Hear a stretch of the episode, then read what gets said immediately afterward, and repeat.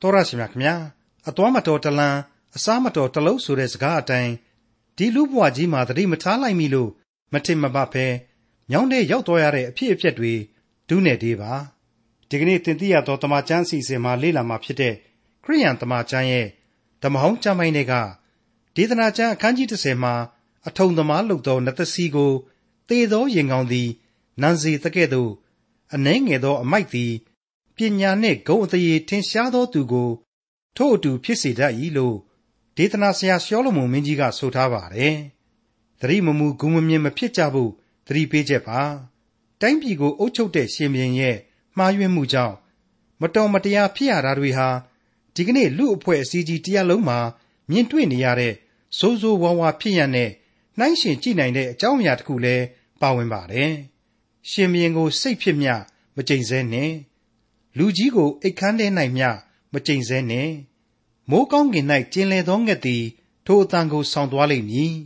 ပြန်တတ်သောအကောင်သည် ထိုအမှုကိုဖော်ပြလိမ့်မည်လို့ဒေသနာဆရာရဲ့ဖော်ပြချက်ဟာဘယ်လိုအဓိပ္ပာယ်ဆောင်ပါသလဲဒေသနာကျမ်းအခန်းကြီး30ကိုဒေါက်တာထွန်းမြတ်ရေးကအခုလိုလေ့လာတင်ပြထားပါတယ်လေးစားအပ်ပါသောမိတ်ဆွေတော်တတ်ရှင်အပေါင်းတို့သင်သိရသောသမာကျမ်းသင်ခန်းစာတွေဟာ ဒေသနာကျမ်းအခန်းကြီး30ကိုရောက်ရှိလာပါပြီပြီးခဲ့တဲ့နေ့တုန်းကဆိုရင်ဒေသနာကျမ်းအခန်းကြီး3မှာအနတ္တလောကရဲ့ကယ်တင်ခြင်းစုကျေးဇူးဆိုတဲ့သဘောတရားအစစ်အမှန်တွေကိုဒေသနာဆရာဟာဖော်ပြခဲ့တယ်လို့ကျွန်တော်ဆိုချင်ပါတယ်ဒီကနေ့ဖို့မှာလည်းအဲ့ဒီလိုပဲနေအောင်အောက်ကလူဘဝမြင်မြင်သမျှအနတ္တတွေတဲမှမှဘယ်လိုထွက်ပေါက်ကလေးနဲ့လွတ်မြောက်အောင်စမ်းကြည့်သင့်တယ်လေအနတ္တလောကကဘာမြေကြီးရဲ့အနတ္တအမြင်မှာအခြေအနေပေါ်မှာမူတည်ပြီးတော့မိစဉ်ကြည့်ကရတဲ့လမ်းစဉ် သို့မဟုတ်အလေအလတ်လမ်းစဉ်ကလေးအဲ့ဒီလမ်းစဉ်ကလေးတစ်ခုတော့ရှိနေပါသေးရဲ့ဆိုတဲ့သဘောတရားကိုဒေသနာဆရာဟာဆက်လက်ဖော်ပြသွားမယ်လို့ကျွန်တော်ဆိုချင်ပါတယ်ဒေသနာကျမ်းအခန်းကြီး30ရဲ့အငယ်1မှာစတင်လိုက်တာကတော့အထုံသမားလှုပ်သောနန္တာစီကိုသေသောရင်ကောင်းသည်နန်းစေတကယ်သို့အနည်းငယ်သောအမိုက်သည်ပညာနှင့်ဂုံအသရေထင်ရှားသူကိုထို့အတူဖြစ်စေတတ်၏မိတ်ဆွေအပေါင်းတို့ဏိဒန်းပြိုးလိုက်ပုံကလေးကမရင်ဘူးလား သိပ်ပြီးတော့ကြောက်စရာကောင်းလှတဲ့လူရဲ့ဘဝအကြောင်းရင်းရွယ်ပါဖြစ်တတ်တဲ့လူဘဝရဲ့အကြောင်းကိုဖော်ပြပေးလိုက်ပါတယ်လူဘဝဟာအင်မတန်အကဲဆက်တယ်ဖောက်ပြန်ပျက်စီးဖို့လွယ်ကူလှတယ်ဆိုတဲ့ဘဝတစ္ဆာကြီးတစ်ခုကိုဥပမာကလေးနှစ်ခုတည်းနဲ့တင်ပြပေးလိုက်တာပါပဲအလွန်အလွန်မှုေးကြိုင်လှပါတယ်လူတွေမျက်နှာနှစ်သက်စရာကောင်းလှပါတယ်ဆိုတဲ့ရေမွှေးနန့်သာစီကိုဖော်ဆက်ထားတယ်အဲ့ဒီအချိန်မှာရင်ကောင်ကလေးတစ်ကောင်ဟာဘုတ်ခနဲ့ပြုတ်ကျပြီးတော့ပုတ်သွားတဲ့အချိန်မှာတော့အဲ့ဒီအဖိုးတန်စီဟာပျက်စီးသွားရတယ်တဲ့ အဲ့ဒီတိုင်းပါပဲပညာဉာဏ်ရှိသူဂုံရှိသူကြီးတယောက်မှလေနည်းနည်းကလေးမိုက်မဲမိလိုက်တဲ့ဘဝဟာချက်ချင်းအကြီးတန်းသွားနိုင်ပါတယ်တဲ့ပြီးခဲ့တဲ့သင်ခန်းစာမှာကလေးကလူတ attva တယောက်အနေနဲ့အပြစ်တရားဟာလူအဖွဲ့အစည်းကိုအဲ့ဒီလူတ attva တယောက်ကနေစတင်ပြီးပြန့်နှံ့သွားရတယ်ဆိုတာကိုအာဒံအေဝါတို့အကြောင်းနဲ့ဖော်ပြပေးခဲ့တယ်လို့ AIDS ဆိုတဲ့ယောဂါဟာလေလူတယောက်ကစတာပဲဒီကနေ့လူအဖွဲ့အစည်းရဲ့ဒုက္ခအခက်အခဲနဲ့ဆင်းရဲခြင်းအမျိုးမျိုးအပေါင်းတို့ဟာလေ လူအတတ်ပညာတွေသိပ္ပံဤဗျူဟာတွေကနေပဲစတင်မြစ်ဖျားခံလာတာပဲဆိုတာကိုလေကျွန်တော်သိပ္ပံဤကြဖော်ပြပေးခဲ့ပါတယ်တနည်းအားဖြင့်ဆိုရင်တော့နေအောင်အောက်ကအနတ္တလူသားဟာလူအဖွဲ့အစည်းကိုအကျိုးပြည့်စည်နိုင်တဲ့တတ္တဝါတကောင်ဖြစ်တယ်ဆိုတာကိုသိထားရလိမ့်မယ်ဟိုဟိုဒီဒီကိုလက်ညှိုးထိုးနေမယ့်အစားကိုယ့်ရဲ့ဘဝအခြေအနေမှန်ကိုကိုပြန်ပြီးတော့သိနာလေတိုက်လာတယ်ဆိုရက်လူတို့ခံယူအပ်သောအနိစ္စသဘောတရားတစ်ခုကိုဒီနေရာမှာတွေ့လာရပါတယ် အခုဆိုရင်ရှောလမုန်ဟာအနတ္တလောကမြင်ကွင်းတစ်ခုကိုဖော်ပြပေးလိုက်ပြန်ပါတယ်အဲ့ဒါကတော့ယာခဲလှသည့်လူဘဝပျက်စီးလူကတခဏဆိုတဲ့သဘောပါပဲဟုတ်ပါတယ်အထုံသမားလှုပ်သောနန့်သာစီကိုသေသောရင်ကောင်းသည့်နန်းစီတကယ်သို့အနည်းငယ်သောအမိုက်သည်ပညာနှင့်ဂုံအသရေထင်ရှားသောသူကိုထို့အတူဖြစ်စေတတ်၏တဲ့မိတ်ဆွေအပေါင်းတို့ကျွန်တော်ကတော့ဒီဒေသနာကျမ်းကလေးကိုဖတ်ရင်းနဲ့ပဲအတော်လေးတန်ဝေကရရှိမိပါတယ်ကျွန်တော်ရဲ့မိတ်ဆွေတငယ်ချင်းတယောက်ကပြောမှုပါတယ် သူဟာတစ်သက်နဲ့တကူအပေါင်းအသင်းတွေနဲ့အတူတခါတည်းပဲအပြင်ကိုလိုက်ပြီးတော့အရက်သောက်ရင်ပျော်ပါမိပါတယ်အဲ့ဒီတခါတည်းမှာပဲလိန်ယောဂတစ်ခုကြီးကိုရရှိပြီးတော့ကာလာသားယောဂတစ်ခုကြီးကိုရရှိပြီးတော့သုံးနှစ်လောက်ဆေးကုယူလိုက်ရတယ်တဲ့သူနဲ့စိတ်ဆက်ထားတဲ့မိန်းကလေးနဲ့သူနဲ့လည်းအဲ့ဒီအချိန်အတွင်းမှာပဲရှင်ကွဲကွဲသွားရတယ်ဆိုတဲ့အချက်ဖြစ်ပါတယ်အဲ့ဒီအတိုင်းပါပဲအသက်50လောက်ရှိနေတဲ့တငယ်ချင်းတယောက်ကဝန်ခံတာလည်းရှိပါသေးတယ်သူဟာအသက်30အရွယ်လောက်အထိမိဘရဲ့အဆိုးအဆုံးမအတိုင်းရိုးရိုးကလေးတည်းကြီးပြင်းလာရတယ် အသက်30အရွယ်မှာရီးစားထားပြီးတော့အဲ့ဒီကလေးမလေးရဲ့အဖိုင်းအဝိုင်းတဲကိုတိုးဝင်ပြီးတော့3လလောက်ပျော်လိုက်ပါလိုက်မိတာလေမိဘသွန်သင်တဲ့အနှစ်30နဲ့ပြောင်းပြန်ဖြစ်သောအသက်တာအဖြစ်ပြောင်းလဲသွားရတယ်ဆိုတဲ့ဝန်ခံချက်ကြီးပဲရင်နာစရာမကောက်ဘူးလားဒေသနာကျမ်းအခန်းကြီး30အငယ်1ပညာရှိသောသူ၏နှလုံးသည်မိမိလက်ရဘက်၌ရှိ၏မိုက်သောသူ၏နှလုံးမူကားမိမိလက်ဝဲဘက်၌ရှိ၏လက်ရလဲဆရာဟာရေပုံရအားဖြင့်ခွန်အားကြီးခြင်းကိုဖော်ပြတာပါ အကောင်းဘက်ကရှုမြင်သုံးသပ်လိုက်ခြင်းပါပညာရှိတယောက်ဟာသူ့ရဲ့အလုပ်ကိုလုပ်ပြီးဆိုရင်ထိထိရောက်အလုပ်လုပ်တယ်ပြတ်သားတိကျတယ်မှန်ကန်ပြီးပြင်းတယ်တစ္ဆာရှိတယ်လူမိုက်ကတော့မပီမပြင်းပဲအလုပ်ကိုလုပ်တတ်တယ်ဆိုတဲ့သဘောကိုဖော်ပြလိုက်ပါတယ်အငယ်သုံးမိုက်သောသူသည်လမ်း၌သွားစဉ်တွင်ပင်သတိလစ်၍ငါသည်လူမိုက်ဖြစ်၏ဟုခတ်သိမ်းသောသူတို့အားပြောတတ်၏အတိတ်ဘယ်ကတော့လူမိုက်ဟာရှာလဲခြောင်တတ်တယ်ဆိုတဲ့သဘောပါ ရှားချောင်တယ်ဆိုတဲ့နေရာမှာရိုးရိုးချောင်တာကိုပြောတာမဟုတ်ပါဘူးကို့အထုပ်ကိုကိုဖြီပြတယ်လို့ကို့အတွင်းသဘောမူမမှန်တာတွေကိုပါဖော်ပြလိုက်တယ်ဆိုတဲ့အတိတ်ပဲဖြစ်ပါတယ်မြန်မာစကားပုံမှာစကားစကားပြောပါများစကားတွေကဇာတိပြဆိုတဲ့စကားပုံကလေးအတိုင်းပဲဖြစ်ရလိမ့်မယ်လို့ကျွန်တော်ဒီနေရာမှာဆိုချင်ပါတယ်ဒေသနာကျမ်းအခန်းကြီး30အငယ်၄မင်းသည်တင့်ကိုစိတ်ဆိုးလျင်ကိုနေသင့်ရာအရတ်မှမရွှေ့နှင့်သီးခံခြင်းသည်ကြီးသောအပြစ်ကိုဖြေတတ်၏ ကိုမနိုင်တဲ့ဟာကြီးတစ်ခုကိုခံပြီးတော့မတိုက်နဲ့နေရန်ကိုခေါင်းနဲ့ဝင်မဆောင်နဲ့သင့်တယ်လို့အလျှော့ပေးပြီးတော့ပေါင်းဆိုတဲ့အချက်ကိုဖော်ပြလိုက်ခြင်းပါပဲဒီနေရာမှာအခြေအနေအရမီးစင်ကြည့်ပြီးကလိုက်တာဟာအကောင်းဆုံးပဲဆိုတဲ့လမ်းစဉ်ဖြစ်ပါတယ်ကျွန်တော်ဏ္ဍန်ပြောခဲ့တဲ့အတိုင်းအလေအလတ်လမ်းစဉ်ပေါ့လူအောက်ကျရင်လူပြီလို့မသေးပါဘူးဒါကြောင့်မလို့ကြည်ကြက်ပြီးလှုပ်ကြဆိုတဲ့သဘောဖြစ်ပါတယ်မှန်ပါတယ်မိတ်ဆွေ ဒီကနေ့ဒေသနာကျမ်းအခန်းကြီး30ဟာဖြင့်အလေအလတ်လမ်းစဉ်အားဖြင့်အနတ္တလောကကြီးကိုရင်ဆိုင်ခြင်းအကြောင်းဖြစ်လိမ့်မယ်လို့ကျွန်တော်ဖော်ပြပေးခဲ့ပြီးပါပြီအဲ့ဒီအတိုင်းပါပဲဒေသနာကျမ်းအခန်းကြီး30အငယ်9မှ9မင်းမှားယွင်းခြင်းအပြင်ဖြစ်တတ်သောနေအောက်၌ငာမြင်ရသောအမှုဆိုးဟုမူကားမိုက်သောသူတို့သည်မြင်သောအရက်တထေးတို့သည်နှိမ်သောအရက်၌ထိုင်ရသောအမှု ကျွန်တို့သည်မြင်းကိုစီး၍မူးမတ်တို့သည်ကျွန်ကဲ့သို့မြေပေါ်မှခြေဖြင့်သွားရသောအမှုကိုငာမြင်လေပြီရှင်းရှင်းပြောရရင်တော့ဒူးနေရဒူးတော်နေရတော်ဆိုတဲ့အတိုင်းမဖြစ်တဲ့သဘောပါပဲဒီကနေ့လူအဖွဲ့အစည်းတရက်လုံးမှာမြင်နေရတဲ့မြင်ကွင်းပဲလို့လည်းကျွန်တော်ဆိုချင်ပါတယ်လောကကြီးတစ်ခုလုံးမှာရှက်စရာတွေကြောက်စရာတွေကပို့ပြီးတော့ခေါင်းထောင်လာနေတယ်ညစ်ပတ်ပေးနေတဲ့တရုတ်တွေကိုသာလူတွေဟာအကောင်းထင်နေကြတယ်အားပေးနေကြတယ်တမာတရားနဲ့ပတ်သက်တဲ့မြင့်မြတ်သောလမ်းစဉ်တို့ကိုမူ လူတွေဟာကြောင်ထိုးထားနေကြတယ်ဆိုတဲ့အတိတ်ပဲလို့လေကျွန်တော်တို့ခံယူနိုင်ပါတယ်ကျွန်တော်တို့ကဒီကနေ့လူအဖွဲ့အစည်းလို့ပြောရတာကတော့ဒီကနေ့နားထောင်နေတဲ့သောတာရှင်များအတွက်သာဒီကနေ့လို့ကျွန်တော်ပြောရခြင်းဖြစ်ပါတယ်အတိတ်ကပရိသတ်တို့အတွက်ဆိုရင်လေအတိတ်မှာမှန်ကန်ခဲ့မှာသိကြသလိုအနာဂတ်အုပ်စုမျိုးဆက်တစ်တို့အတွက်လေဒီအတိုင်းပဲဆက်လက်ဖြစ်နေလိမ့်အောင်မယ်လို့ကျွန်တော်ဆိုချင်ပါတယ်။ဘာဖြစ်လဲဆိုတော့ဒါဟာနှုတ်ကပတ်တော်ကဖော်ပြတဲ့အချက်မဟုတ်ဘူးလား။ကာလအစဉ်သစ္စာတည်နေလိမ့်မယ်။ ဒေသနာကျမ်းအခန်းကြီး30အငယ်8မှ30တွင်းကိုတူးသောသူသည်ထိုတွင်းတဲသို့ကျလိမ့်မည်။ခြံကိုဖျက်သောသူသည်မွေကြိုက်ခြင်းကိုခံရလိမ့်မည်။ကြောက်တို့ကိုရွှေ့သောသူသည်ဖိခြင်းကိုခံရလိမ့်မည်။ထင်းခုတ်သောသူသည်လည်းရှာနာလိမ့်မည်။ပစိန်တုံးသောအခါမသွေးဘဲနေလျင်သာ၍အားထုတ်ရမည်။ပညာသည်အမှုအောင်ရသောအခွင့်ကိုပေး၍ကျေးဇူးကြည်၏မဟုတ်တာလုပ်မယ်ဆိုရင်မဟတ်တာဖြစ်ကိုဖြစ်ရမယ်ဆိုတဲ့လောကနိယာမဟာ တချို့တချို့သောဖြစ်ရတွေအရာအပေါ်ယံဆန်းဆန်းတွေးပြီးကြည့်ရင်မဟုတ်တယ်လို့လို့ပါပဲမမှန်တယ်လို့လို့ပါပဲတကယ်မှဟုတ်ပါလိစားမှန်မှမှန်ပါလိစားလို့ထင်เสียရှိနေပါလေဒါပေမဲ့နှုတ်ကပတ်တော်ဟာမဟုတ်တာလုပ်ရင်မဟတ်တာဖြစ်ရမယ်ဆိုတဲ့ကိစ္စမှာဘယ်တော့မှအလျှော့မပေးပါဘူးဂလာတိဩဝါဒမှာဆိုရင်အခိုင်အမာရှင်ပေါလုသတိပေးထားတာဟာအများသိတဲ့အတိုင်းပါပဲအလွဲမယူကြနှင့်ဘုရားသခင်သည်မထီမဲ့မြင်ပြုခြင်းကိုခံတော်မမူလူသည်မျိုးစေ့ကျဲသည့်အတိုင်းအသီးအနှံကိုရိပ်ရလိမ့်မည်တဲ့ အဲ့ဒါကိုဂလာတိဩဝါဒစာအခန်းကြီး6အငယ်9မှာကျွန်တော်တို့ရှင်းရှင်းလင်းလင်းပဲတွေ့ခဲ့ရပြီးပါပြီအကြိမ်ကြိမ်အကြော့ကြော့လည်းကျွန်တော်တို့ကြားခဲ့ရပြီးပါပြီအပြစ်ကိုအပြစ်အတိုင်းပြန်လေခံယူကြရလိမ့်မယ်တဲ့ဒါပေမဲ့ဘယ်လိုပုံစံမျိုးနဲ့လဲဆိုတာကိုတော့အတိအကျပြောလို့ရခြင်းမှရမယ်ဆိုတာကိုကျွန်တော်တို့သိနာလေနိုင်ပါတယ်ဗမာဓမ္မသမိုင်းတစ်လျှောက်ကအာဗြဟံဣဇက်ယာကုပ်ဆိုတဲ့ပုဂ္ဂိုလ်ကြီးတွေ မောရှိမှအစဒါဝိဒ်ရှောလမုန်စတဲ့မင်းတွေဟာတယောက်မှအဲ့ဒီလိုပြန်လဲပေးဆက်ခြင်းနဲ့မလွတ်ခဲ့တာကတော့အမှန်ပါပဲတချို့များဆိုရင်လေမတရားစီးပွားကြီးဖြစ်နေလိုက်တာဟာနှစ်ရှည်လများပဲဒါပေမဲ့အိုသေးကန်ကြီးရောက်မှရောက်လာလိုက်တဲ့ဒုက္ခတွေဆိုတာဟာပြောမကုန်နိုင်လောက်အောင်ပဲဆိုတာကိုတွေ့ရပါတယ်တချို့ကြတော့လေတမျိုးပေါ့စိတ်ထားကသိပ်သန့်ရှင်းတယ်အယံစင်းရရှာတယ်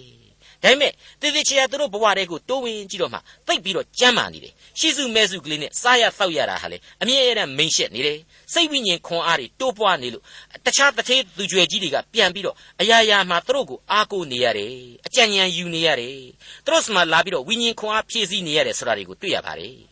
အဲ့တော့ကျွန်တော်ရဲ့လူအမြင်လူစံချိန်စံညွှန်းနဲ့ဘယ်အရာကိုမှမတိုင်းတာအပ်ပါဘူးဘုရားသခင်ရဲ့ဝိညာဉ်တော်မျက်စိနဲ့ရှုကြည့်လိုက်မယ်ဆိုရင်ပိုတောင်မှအံ့ဩပွေကောင်းလောက်အောင်အဖြေတွေဟာထင်ထင်ရှားရှားရှိနေလိမ့်ဦးမယ်လို့ကျွန်တော်ဆိုချင်ပါတယ် မိတ်ဆွေအပေါင်းတို့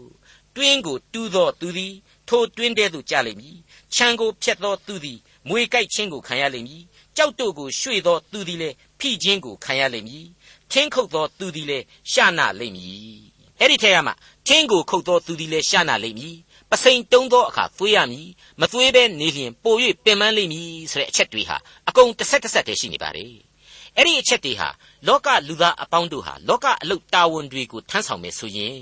စိတ်နှလုံးအကျွင့်မဲ့ကိုစွန်းညံစွန်းရှိရှိအလုတ်ကိုလုကြရလိမ့်မယ်ဆိုတာကိုဥတီဖော်ပြပါတယ်အထက်ကပညာရှိသောသူရဲ့နှလုံးသားဟာလက်ရဘက်မှာရှိတယ်တနည်းအားဖြင့်အကောင်းဘက်မှာရှိနေတယ်ဆိုတဲ့သဘောတရားအတိုင်းပဲလို့ကျွန်တော်ဆိုချင်ပါတယ်ပညာရှိသောသူ၏နှလုံးသည်မိမိလက်ရလက်၌ရှိ၏မိုက်သောသူ၏နှလုံးမူကားမိမိလက်ဝဲလက်၌ရှိ၏ မိုက်သောသူသည်လမ်း၌သွားစဉ်တွင်ပင်သတိလေး၍ငါသည်လူမိုက်ဖြစ်၏ဟုခတ်သိမ်းသောသူတို့အားပြောတတ်၏အခုဒေသနာကျမ်းပိုင်းတွေဟာအတော်ကြီးလက်တွေ့ကြတဲ့အကျိုးကျေးဇူးများကိုပေးသနာခဲ့တယ်လို့ကျွန်တော်ဆိုချင်ပါတယ်ရှောလမုန်မင်းကြီးရဲ့အဖဖျားသခင်နဲ့ဝေးကွာစဉ်တနည်းအားဖြင့်လောကရန်လူမိုက်ကြီးတယောက်အဖြစ်နဲ့သာဖြင့်ဒီကျမ်းတွေကိုသူဟာပြုခဲ့တဲ့အတွက်ကြောင့်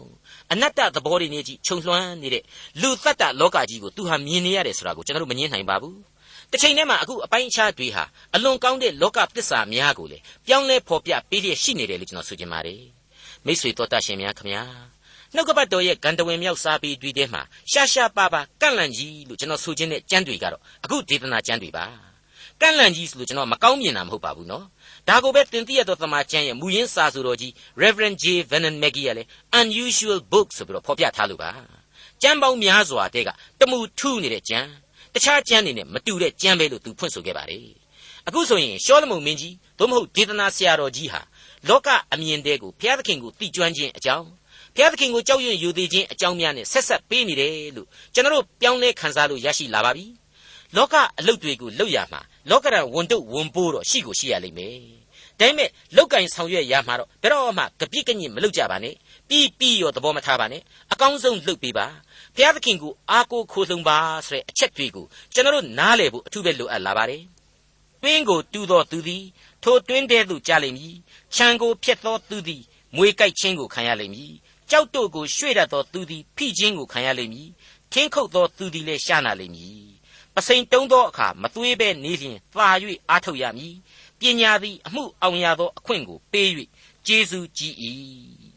မိတ်ဆွေအပေါင်းတို့အခုဆက်ပြီးမြင်ရမယ့်အချက်ကတော့အတော်ကြီးကိုအံ့ဩဖွယ်ကောင်းနေတဲ့ကြံပိုင်ကလေးဖြစ်ပါတယ်ဒေသနာကျမ်းအခန်းကြီး30အငယ်7မွေသည်ပြုစားခြင်းကိုမခံကြိုက်မိလျင်အလံပယ်သမားအကျိုးကျေးဇူးမရှိကျွန်တော်အရှိနိုင်ငံတွေမှာအတော်ကြီးခစ်စားတဲ့မွေအလံပယ်အတတ်ပညာဟာရှောလမုန်ခေတ်ကလေးကတည်ရှိခဲ့ပြီဆိုတာဟာရှင်းနေပါပြီ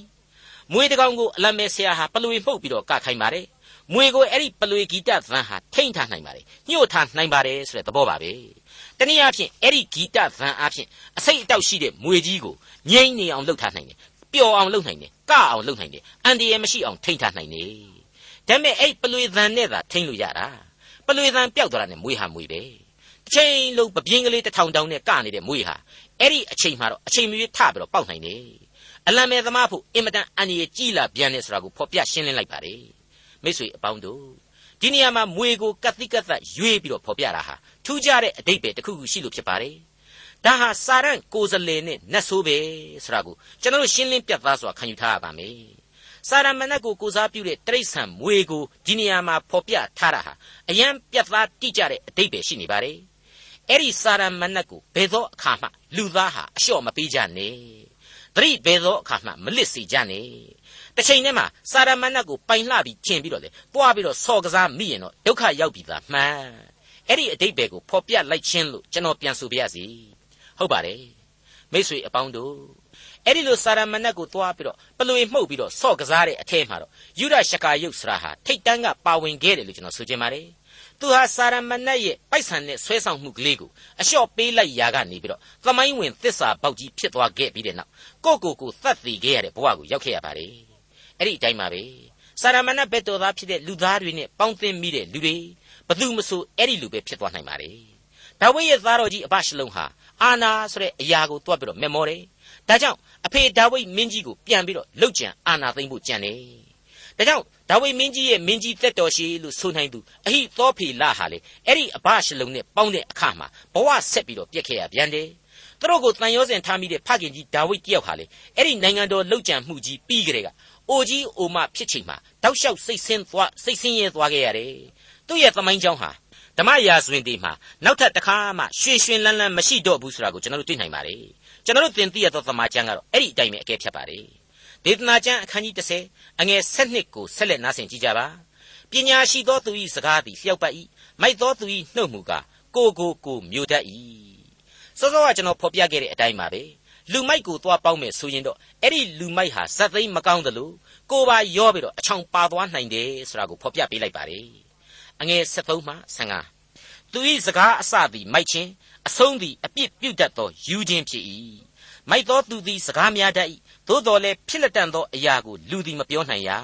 လူနောက်၌အဘယ်သို့ဖြစ်လက်တန်သည်ကိုအဘယ်သူပြောနိုင်သနည်း မြို့သို့သွားသောလမ်းကိုမသိသောသူကဲ့သို့မိုက်သောသူသည်ကြိုးစားအားထုတ်တော်လေသူတပားတို့ကိုပင်ပန်းစေတတ်၏မိုက်သောသူသို့မဟုတ်ထာဝရဘုရားကိုဆန့်ကျင်တဲ့စာရန်ဘက်တော်သားဟာစကားဆလိုက်တာနဲ့သူလူမိုက်ဆိုတာကိုသိသာစေတယ်နောက်ဆုံးပြောရင်ပြောရင်နဲ့မယိုင်မယိုင်ပြီးလာလိုက်တာဟာအဆုံးကြတော့အယူလိုပဲအတိတ်ပဲမရှိသေးဖြစ်လာပါလေရောတဲ့မိတ်ဆွေအပေါင်းတို့ဒါနဲ့ပတ်သက်ပြီးတော့ဓမ္မဆရာကြီးတယောက်ကတော့ ဒီဒေသနာကျမ်းပိုင်းကိုသိသဘောကျလွန်းလို့သူပို့ချရတဲ့သင်တန်းတွေမှာဘယ်တော့မှကြိုက်ရာကိုထပြီးဆွေးနွေးတဲ့ဤကို तू မကျင့်သုံးတော့ဘူးကြိုတင်ပြီးတော့မေခွန်းတွေပြုစုထားဆန်းစစ်ပြီးတော့မှမေခွန်းကြိုက်ရာကိုတင်အဲ့ဒီမေခွန်းတွေကိုဆွေးနွေးတဲ့ဤကိုပဲ तू ဟာကျင့်သုံးတော့တယ်တဲ့ဟုတ်ပါတယ်လူစားတိပဂရိဟာဘယ်သူမှမူမှန်ဘူးဘယ်သူမှကြက်မပြေဘူးဆိုတာကိုကျွန်တော်အကြိမ်ကြိမ်ဖော်ပြပြီးခဲ့ပြီးပါပြီအဲ့ဒီဓမ္မဆရာကြီးဟာလေအဲ့ဒီအချက်ကိုခံယူထားတယ် ပြီးတော့လူအများကြီးနဲ့ကျင်းပတဲ့ဆွေးနွေးပွဲမှာစီကန်းသာချမထားရင်အကုန်လုံးစီးမဲ့ကမ်းမဲ့တွေဖြစ်ကုန်နိုင်တယ်တယောက်တစ်ပေါက်လွတ်လပ်တိုင်းထပြီးတော့မေးတိုင်းလွတ်လွတ်လပ်ပြန်ပြီးတော့ဖြေတိုင်းမကောင်းဘူးလို့လေကျွန်တော်လည်းခံယူလိုက်ပါတယ်နောက်တစ်ခုကတော့ကိုယ့်ရဲ့အနာဂတ်ကိုဘယ်သူကမှကြိုပြီးတော့မမြင်နိုင်ဘူးမတွက်ဆနိုင်ဘူးဆိုတာကိုဆက်လက်ဖော်ပြထားပြန်ပါတယ်ဟုတ်ပါတယ်သို့တော်လည်းဖြစ်လက်တန့်သောအရာကိုလူသည်မပြောနိုင်ရာ လူနောက်၌အဘယ်သို့ဖြစ်လက်တန့်သည်ကိုအဘယ်သူပြောနိုင်သနည်းတဲ့အဲ့ဒီလိုမိကုံးလေးနဲ့ပါပဲအဲ့ဒီလိုမသိတာချင်းအတူတူလူမိုက်ကတော့ဘုရားသခင်ကိုဆန့်ကျင်ပြီးတော့ရှောက်သွားတယ်သူနဲ့ပေါင်းတဲ့သူတွေဟာလေတနေငင်တစင်ပါပြီးတော့အကုန်လုံးရော့ရောင်ပြီးတော့ဒုက္ခရောက်စီနိုင်တယ်ဆိုတာကိုဆက်လက်ဖော်ပြပေးလိုက်ခြင်းပဲဖြစ်ပါတယ်မြို့သို့သွားသောလမ်းကိုမသိသောသူသည်မြို့သို့သွားသောလမ်းကိုမသိသောသူကဲ့သို့မိုက်သောသူသည်စ조사အားထုတ်တော်လေသူတပားတို့ကိုပင်ပန်းစေတတ်၏တဲ့ မိတ်ဆွေတော်တတ်ရှင်အပေါင်းတို့အခုဒေသနာကျမ်းထဲမှာအစပြိုးလိုက်ကြတဲ့ကလူသားဟာတစ်ချက်ကလေးမှားလိုက်တဲ့ဘဝအသက်တာကိုဒုက္ခပွားများစေတယ်ဘဝပြက်တဲ့အထိလဲဆိုးကျိုးတွေတောက်လျှောက်သက်ရောက်စေနိုင်တယ်ဆိုတာကိုကျွန်တော်အလေးနဲ့ဖော်ပြခဲ့ပြီးပါပြီအခုအချိန်မှာကတော့လူမိုက်တယောက်အကြောင်းကြောင့်ဘလောက်အထိလူအဖွဲ့အစည်းဟာအကျိုးရုပ်စေနိုင်တယ်ဆိုတာကိုဆက်လက်ဖော်ပြနေတယ်လို့ကျွန်တော်ဆိုချင်ပါတယ်အဲ့ဒီအတိုင်းပါပဲပြီးခဲ့တဲ့သင်ခန်းစာမှာတုန်းကဆိုရင် စင်းရဲသားပညာရှိတယောက်ကနေပြီးတော့ကပောက်တိကပောက်ချာဖြစ်နေတဲ့လူအဖွဲ့အစည်းကြီးတစ်ခုကိုကဲတင်ခြင်းဆိုတာကိုကျွန်တော်တို့တွေ့မြင်ခန်းစားခဲ့ရပြီးဖြစ်ပါတယ်။ဒါတွေအကုန်လုံးဟာဆက်ဆက်စဉ်းစားစရာမိကွန်းတစ်ခုကိုပေးနေတယ်လို့ကျွန်တော်မြင်မိပါတယ်။တခြားတော့မဟုတ်ပါဘူး။အနတ္တလူသားတ attva တို့ရေမင်းတို့အနတ္တလောကကြီးမှာဘာကိုအားကိုးကြမလဲ။ဘယ်လမ်းကိုမင်းတို့ရွေးကြမလဲ။ဒီအတိုင်းပဲအနတ္တအနတ္တဘဝမှာပဲကိုကိုကိုအနတ္တနီးနဲ့စရေပြစ်ကြမလား။ ပါ၍တန်ဖိုးရှိသောအ내ကအသက်တာကိုချီတက်ကြမလားဆိုတဲ့မိကွန်းကိုထုတ်လိုက်ခြင်းလို့ကျွန်တော်ဖော်ပြပါရစေအခုအချိန်မှာတော့အင်မတန်လက်တွေ့ကျနေတဲ့လူအဖွဲ့အစည်းမြင်ကွင်းတွေကိုမြင်ကွင်းတွေကိုရှောလမုန်မင်းကြီးဟာဆက်လက်ဖော်ပြပေးလိမ့်မယ်လို့ကျွန်တော်ဆိုချင်ပါတယ်ဒေသနာကျမ်းအခန်းကြီး30အငယ်16ကနေ20အထိဆက်လက်နားဆင်ကြကြပါငယ်သားအစိုးရ၍မှုမှတ်များအချိန်မဲ့နက်နက်စောစောစားသောက်တတ်သောပြည်သည်အမင်္ဂလာရှိ၏ မင်းသားအစိုးရ၍မူးမတ်တို့သည်လွန်ကျူးစွာမစားမသောက်ဖဲအချိန်တန်မှအားဖြည့်ခြင်းဟာသာစားသောက်တတ်သောပြည်သည်မင်္ဂလာရှိ၏အလွန်ပြင်းဤခြင်းအဖြစ်အိမ်သည်ဆွေးမြေ့တတ်၏လက်နှင့်မပြုတ်ပြင်းဘဲနေလျင်အိမ်မိုးယူတတ်၏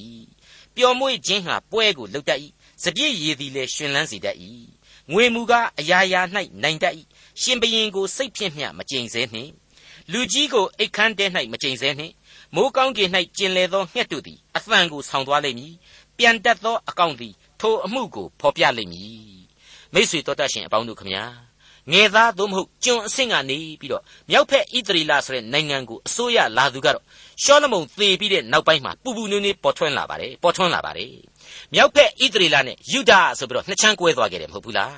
အဲ့ဒီထက်ချမ်းကွဲသွားတဲ့နိုင်ငံမြောက်ဖက်ကသမိုင်းမှာတော့ရေရောပေါင်ဆိုတဲ့လူဘယင်ဖြစ်လာပါတယ် တကယ်တော့သူဟာဘုရားသခင်ကရှောလမုန်ရဲ့အပြစ်အပြစ်လျောက်စီရင်တဲ့ထက်ချမ်းကွဲနိုင်ငံကြီးမှာဘုရားသခင်ချီးမြှောက်လိုက်လို့ဘယင်ဖြစ်လာတာဟာအမှန်ပါပဲအကယ်၍သာသူဟာကျေးဇူးတော်ကိုနားလည်ပြီးတော့ဘုရားသခင်ကိုနာနာစိကပ်ကိုးကွယ်လိုက်မယ်ဆိုရင်ဘလောက်ကောင်းလိမ့်မလဲလို့ကျွန်တော်တွေးမိပါတယ်အားမလို့အားမရခံစားမိပါတယ်အခုတော့သူဟာကြေးကန်းသူကောင်းမြောက်ခြေကြောက်ကောက်စားဆိုတဲ့ဝန်း내ပွေဖောက်ပြန်မှုကြီးတွေဖြစ်ပွားခဲ့ပါတယ်ကျူးလွန်ခဲ့ပါတယ် သူ့ကိုစိတ်ကြိုက်မြောက်ပင့်ပေးတဲ့လူတွေကိုဝန်ကြီးတွေအမတ်တွေရစ်ပရောဟိတ်တွေခန့်ပြီးတော့ဘုရားသခင်ကိုပယ်ခဲ့တယ်ကျေးဇူးတော်ကိုအလွဲသုံးစားပြုခဲ့တယ်ဆိုတာတွေကိုယဉ်နှင့်ပွေရေရောပေါင်ရဲ့သမိုင်းမှာတွေ့ကြရပါတယ်ဒါတွေကိုမမေ့စေဖို့ရန်အတွက်ဓမ္မရာဇဝင်တတိယစာဆောင်အခန်းကြီး7အငယ်25ကနေအတော်အတန်ကိုဖတ်ကြည့်တဲ့လို့ကျွန်တော်ထင်ပါတယ်ဓမ္မရာဇဝင်တတိယစာဆောင်အခန်းကြီး7အငယ်25မှဏိဂုံးအထိထို့နောက်ရေရောပေါင်သည်အေဖရိမ်တောင်ပေါ်မှရှေခင်မြို့ကိုတည်၍နေရာချ၏ ထိုမြို့မှသွား၍ပေနွေလမြို့ကိုလည်းတည်ရေရောပေါင်ကဤနိုင်ငံသည်ဒါဝိဒ်မင်းမျိုးလက်သို့ပြန်ကောင်းပြန်လိမ့်မည်ပြည်သားတို့သည်ထာဝရဘုရား၏ဗိမာန်တော်၌ရစ်ပူဇော်ခြင်းဟာယေရုရှလင်မြို့သို့သွားလျင်သူတို့စိတ်နှလုံးသည်မိမိတို့သခင်ယူဒရှင်ဘရင်ယောဘောင်ဘက်သို့ပြောင်းလဲ၍ငါကိုသတ်ပြီးမှယူဒရှင်ဘရင်ယောဘောင်ဘက်သို့တဖန်ဝင်စားကြလိမ့်မည်ဟုအောက်မေ့သောကြောင့်ဒီအပိုင်းမှာယောဘောင်ဆိုတာဟာရှောလမုန်ရဲ့သားပေါ့အဲ့ဒီရှောလမုန်သားယောဘောင်ဟာလူမိုက်ဆိုတော့ ရေယောဘောင်ဒီဟုသောနောက်ထပ်လူမိုက်တယောက်ဟာမြောက်ဖက်ဣသရေလနိုင်ငံကိုထူထောင်ပြီးတော့ဘယင်တက်လှုပ်ခဲ့ခြင်းပါပဲအခုဆိုရင်ရေရောပေါင်ဟာရောပေါင်ဘက်ကိုသူ့ရဲ့မြောက်ဘက်ကဣသရေလလူတွေပါသွားမှာကိုစိုးရိမ်နေတယ်ဆိုတဲ့အချက်ကိုနှုတ်ကပတ်တော်ဟာဆက်လက်ဖော်ပြပါတယ်ဆက်လက်နားဆင်ကြည့်ကြပါဦးသူတစ်ပါးနှင့်တိုင်ပင်၍ရွှေနွားတငယ်နှစ်ကောင်ကိုလှုပ်ပြီးလျှင်သင်တို့သည်ယေရုရှလင်မြို့သို့သွားရသောအမှုခက်လှ၏ဣသရေလအမျိုးသင်တို့ကိုအေဂုတ်ထုပြည်မှနှုတ်ဆောင်သောဖျားတို့ကိုကြည့်ရှုကြလော့ဟုဆိုလျက် ဘေသလမြို့၌တကောင်ဒံမြို့၌တကောင်ကိုထားသဖြင့်ပြစ်မှားเสียအကြောင်းကိုပြုလေ၏ပြည်သားတို့သည်နွားသငယ်ကိုကိုးကွယ်ခြင်းဟာဒံမြို့တိုင်အောင်သွားရကြ၏ရေရောဘောင်သည်လည်းမြင်သောအရက်ပေါ်မှအိမ်ကိုဆောက်၍လေဝိသားမဟုတ်သောသာမညလူတို့ကိုယစ်ပရောဟိတ်အရာ၌ခံထားလေ၏ယူဒပြည်၌ခံသောပွဲကဲ့သို့အထမလ15ရက်နေ့တွင်ပွဲကိုစီရင်၍ရစ်ပလင်အပေါ်မှပူဇော်၏ ထို့သောဘေသလမြို့၌စီရင်၍မိမိလှုပ်သောနွားသငယ်တို့အားရစ်ပူဇော်၏မြင့်သောအရ၌ခန့်ထားသောရစ်ပရောဟိတ်တို့ကိုလည်းဘေသလမြို့မှနေရာချ၏ထို့သောကိုအလိုလျောက်ချင်းချက်သောအထမလ15ရက်နေ့တွင်ဘေသလမြို့၌မိမိလှုပ်သောရစ်ပလင်ပေါ်မှပူဇော်၏ဣသရေလအမျိုးသားတို့အားပွဲကိုလည်းစီရင်၏ရစ်ပလင်ပေါ်မှရစ်ပူဇော်၍နန့်သာပေါင်းကိုမိရှု၏ဘလောက်ကြောက်ဖို့ကောင်းလဲဖျားသခင်ဆန့်ကျင်တဲ့နတ်ကိုးကွယ်မှုကို သူဟာပြန်ပြီးတော့လုပ်ခဲ့တယ်မိတ်ဆွေအပေါင်းတို့ရှောလမုန်ရဲ့ဒေသနာကျမ်းဟာပူပူနွေးနွေးကြီးပဲရေးပြီးတော့မကြခင်မှာဖြစ်ခဲ့တဲ့ကိစ္စပါအဲ့ဒီမှာရင်ရေရောပေါင်ရဲ့ဏိဂုံးဟာလည်းအခုလိုဖြစ်ခဲ့တဲ့အကြောင်းကိုဆက်ပြီးတွေ့ရပါတယ်ဓမ္မရာဇဝင်တတိယစာဆောင်အခန်းကြီး73ရဲ့ဏိဂုံးကျမ်းငယ်များကနေပြီးတော့အခုလိုဖော်ပြနေပါတယ်ထို့နောက်မှာရေရောပေါင်သည်မိမိအတ္တမလန်းကိုမရှောင်တာမညလူတို့ကိုမြင်သောအရက်တွင်ယစ်ပရောဟိတ်အရာ၌ထပ်၍ခံထား၏ ယေဘုဟိတ်လှုပ်ချင်သောသူရှိသမျှကိုချီးမြှောက်သဖြင့်သူတို့သည်မြင့်သောအရက်တွင်ယေဘုဟိတ်ဖြစ်၏ထိုသို့ပြုသောကြောင့်ရေရောပေါင်အမျိုးကိုမြေကြီးပြင်မှသုတ်သင်ပယ်ရှင်းစေသောအပြစ်ရောက်သည်တဲ့အဲ့ဒီလိုတွေ့ရတော့အခုဒေသနာကျမ်းကဖော်ပြခဲ့တဲ့အတိုင်းပဲငယ်သားကနေဘရင်တက်လုပ်တယ်မူးမတ်တို့ကအချိန်မဲ့စားပေါက်မြူတူတယ်တိုင်းပြည်ကြီးအမင်္ဂလာဖြစ်ရတယ်ဆိုတဲ့သဘောတွေကိုရှင်းလင်းပြသစွာတွေ့ရပါပြီဒီလိုမြောက်ဖက်ဣသရေလဘရင်ရဲ့အကြောင်းတွေကိုအမှတ်ရစရာရှိသလို နှောင်းကာလယူဒဘုရင်ဟေဇကိဆိုတဲ့တောင်ဘက်ဣသရေလဘုရင်ကြပြန်တော့ပြောင်းပြန်ဖြစ်တယ်ဘုရားသခင်ကိုကြောက်ရွံ့ပါတယ်ဆိုတဲ့ဟေဇကိဘုရင်ခေတ်မှာတိုင်းပြည်ဟာမင်္ဂလာရှိခဲ့ပါတယ်ဘုရားသခင်ကနေပြီးတော့အဲ့ဒီခေတ်နယ်ချဲ့ကြီးဖြစ်တဲ့အစီးရီးယားနိုင်ငံစစ်တပ်ကြီးလက်ထဲကနေပြီးတော့ယူဒနိုင်ငံကိုလုံးဝထွက်ပြီးတော့တိုက်เสียမလိုပဲနဲ့အကာအကွယ်ပေးခဲ့တယ်ရန်သူအင်အားကြီးဧကရစ်ဘယင်ကြီးကိုတောက်မှသေပစ်စီရင်ပေးခဲ့တယ်ဆိုတာတွေကိုဓမ္မသမိုင်းအထောက်အထားများနဲ့ကျွန်တော်တို့ရှင်းလင်းပြသစွာမြင်နိုင်ပါတယ်ဟုတ်ပါတယ် ဓမ္မရာဇဝင်သရုတ်ထစာဆောင်အခန်းကြီး19အငယ်14ကနေ19အတွင်းမှာကြည့်မယ်ဆိုရင်ဟေဇကိဘယင်မင်းမြတ်ဟာဘုရားသခင်ကိုအသနာခံခဲ့ပုံတွေအငယ်32ကနေ38အတွင်းမှာကျတော့ယူဒနိုင်ငံကိုအာရှုရိတပ်တွေလက်ထက်ကနေပြီးတော့ဘုရားသခင်ဘယ်လိုလွတ်ကင်းအောင်စီရင်ပေးခဲ့ဘုံတွေကိုတအံ့တော်ကျွန်တော်တို့တွေ့နိုင်ပါတယ်အဲ့ဒီအငယ်32ကနေ38ကိုဖတ်ကြည့်ကြပါတို့ဖြစ်၍ထာဝရဘုရားသည်အာရှုရိရှင်ဘရင်ကိုရည်မှတ်၍မိန့်တော်မူသည်ကားသူသည်ဤမြို့သို့မဝင်ရ မြို့တဲသို့မြားကိုမပြည့်ရမြို့ရှိမှဒိုင်းလွှားကိုမပြရမြို့ပြင်မှမြို့ရိုးကိုမဖို့ရလာသောလမ်းဖြင့်ပြန်သွားရမည်ဤမြို့တဲသို့မဝင်ရငါသည်ကိုမျက်နှာကို၎င်းငါကျွန်ဒါဝိဒ်၏မျက်နှာကို၎င်းထောက်၍ဤမြို့ကိုကယ်တင်ခြင်းဟာစောက်မမည်ဟုထာဝရဘုရားမိန့်တော်မူ၏အဲ့ဒါဟာဟေဇကိဘုရင်ရဲ့ဆုတောင်းခြင်းကိုဘုရားသခင်နားညောင်းတော်မူခြင်းပဲထိုညတွင်ထာဝရဘုရား၏ကောင်းကင်တမန်သည်ထွက်၍အာရှုရိတပ်တွင် လူတသိန်း၈၅000တို့ကိုတန်ခတ်လေ၏နတ်နှင့်စောစောထခြင်းရောက်သောအခါထိုသူအပေါင်းတို့သည်အသေးကောင်ဖြစ်ကြ၏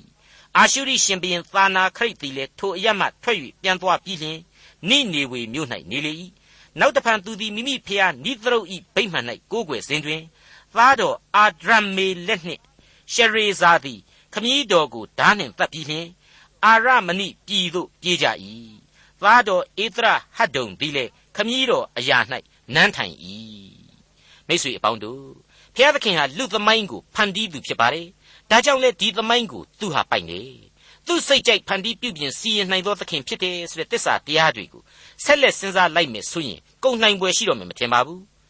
ဘာပဲပြောပြောနေအောင်အောက်ကလူဘဝမြင်မြင်သမျှအနတ္တဆိုတာကိုသာအတိကထားပြီးတော့ကြမ်းဖွဲနေတဲ့ဒေသနာဆရာရှောလမုန်မင်းကြီးဟာအဲ့ဒီလိုကျေးဇူးနဲ့ဂရုဏာသဘောတွေကိုဦးစားမပေးဘဲနဲ့ ဒီကြအဖြစ်အနတ္တလူသားပြီးပြီးလူလောကမှာအစဉ်ပြေပြေနေထိုင်နိုင်ဖို့စိတ်ချမ်းချမ်းသာသာနေထိုင်နိုင်ကြဖို့နေရသမျှသောအသက်တာမှာမကြောက်မကြမပူမပင်နေနိုင်ကြဖို့ဆိုတာတွေးကိုသာအမြဲဥတီဖော်ပြနေတယ်ဆိုတာကိုတွေ့ရပါတယ်ဟုတ်ပါတယ်ဒါကြောင့်မို့လို့လေသူကအခုလိုဆိုလိုက်တာပါပျော်မွေ့ခြင်းဟာပွဲကိုလှုပ်တတ်၏စပြည့်ရည်သည်လည်းရှင်လန်းစေတတ်၏ငွေမူကားအရာရာ၌နိုင်တတ်၏ရှင်ဘရင်ကိုစိတ်ဖြင့်မျှမကြိမ်စဲနှင့်လူကြီးကိုအိတ်ခမ်းတဲ၌မျှမကြိမ်စဲနှင့် မိုးကောင်းကင်၌ကျင်လေသောငှက်သည်ထိုအသံကိုဆောင်းသွားလိမ့်မည်ပြန်တတ်သောအကောင်သည်ထိုအမှုကိုဖော်ပြလိမ့်မည်မိတ်ဆွေအနတ္တကဘာလောကကြီးမှာနှစ်လိုပွေသောကျင့်စဉ်တွေအဖြစ်ခံယူခြင်းရင်ခံယူနိုင်ပါတယ်မလျော့မတင်စောင်းကြိုးညှင်းဆိုတဲ့တရားအလေအလတ်လမ်းစဉ်ဆိုတဲ့တရားတွေဖြစ်ပါတယ်အရေးကြီးတာကတော့အသက်ရှင်တော်မူသောဘုရားသခင်ကိုယုံကြည်ခြင်းအပြင်အဲ့ဒီအနတ္တလောကကိုကြော်လွှားမှသားလျှင်လူဆိုတဲ့ဝိညာဏတ attva ဟာ ဝိညာဏတ attva ပိသစွာဖြစ်ပေါ်လာလိမ့်မယ်တိုးတက်လာလိမ့်မယ်ဝိညာဉ်လူသားရဲ့လို့လက်ခမောင်းခတ်နိုင်လိမ့်မယ်လို့ကျွန်တော်လေးစားစွာတင်ပြလိုက်ပါရစေဒေါက်တာထွန်းမြတ်ရေးစီစဉ်တင်ဆက်တဲ့တင်ပြရသောတမချန်းအစီအစဉ်ဖြစ်ပါတယ်နောက်တစ်ချိန်အစီအစဉ်မှာခရိယန်တမချန်းရဲ့ဓမ္မဟောင်းကျမ်းပိုင်းတွေကဒေသနာကျမ်းအခန်းကြီး7ကိုလေ့လာမှာဖြစ်တဲ့အတွက်စောင့်မျှော်နားဆင်နိုင်ပါတယ်။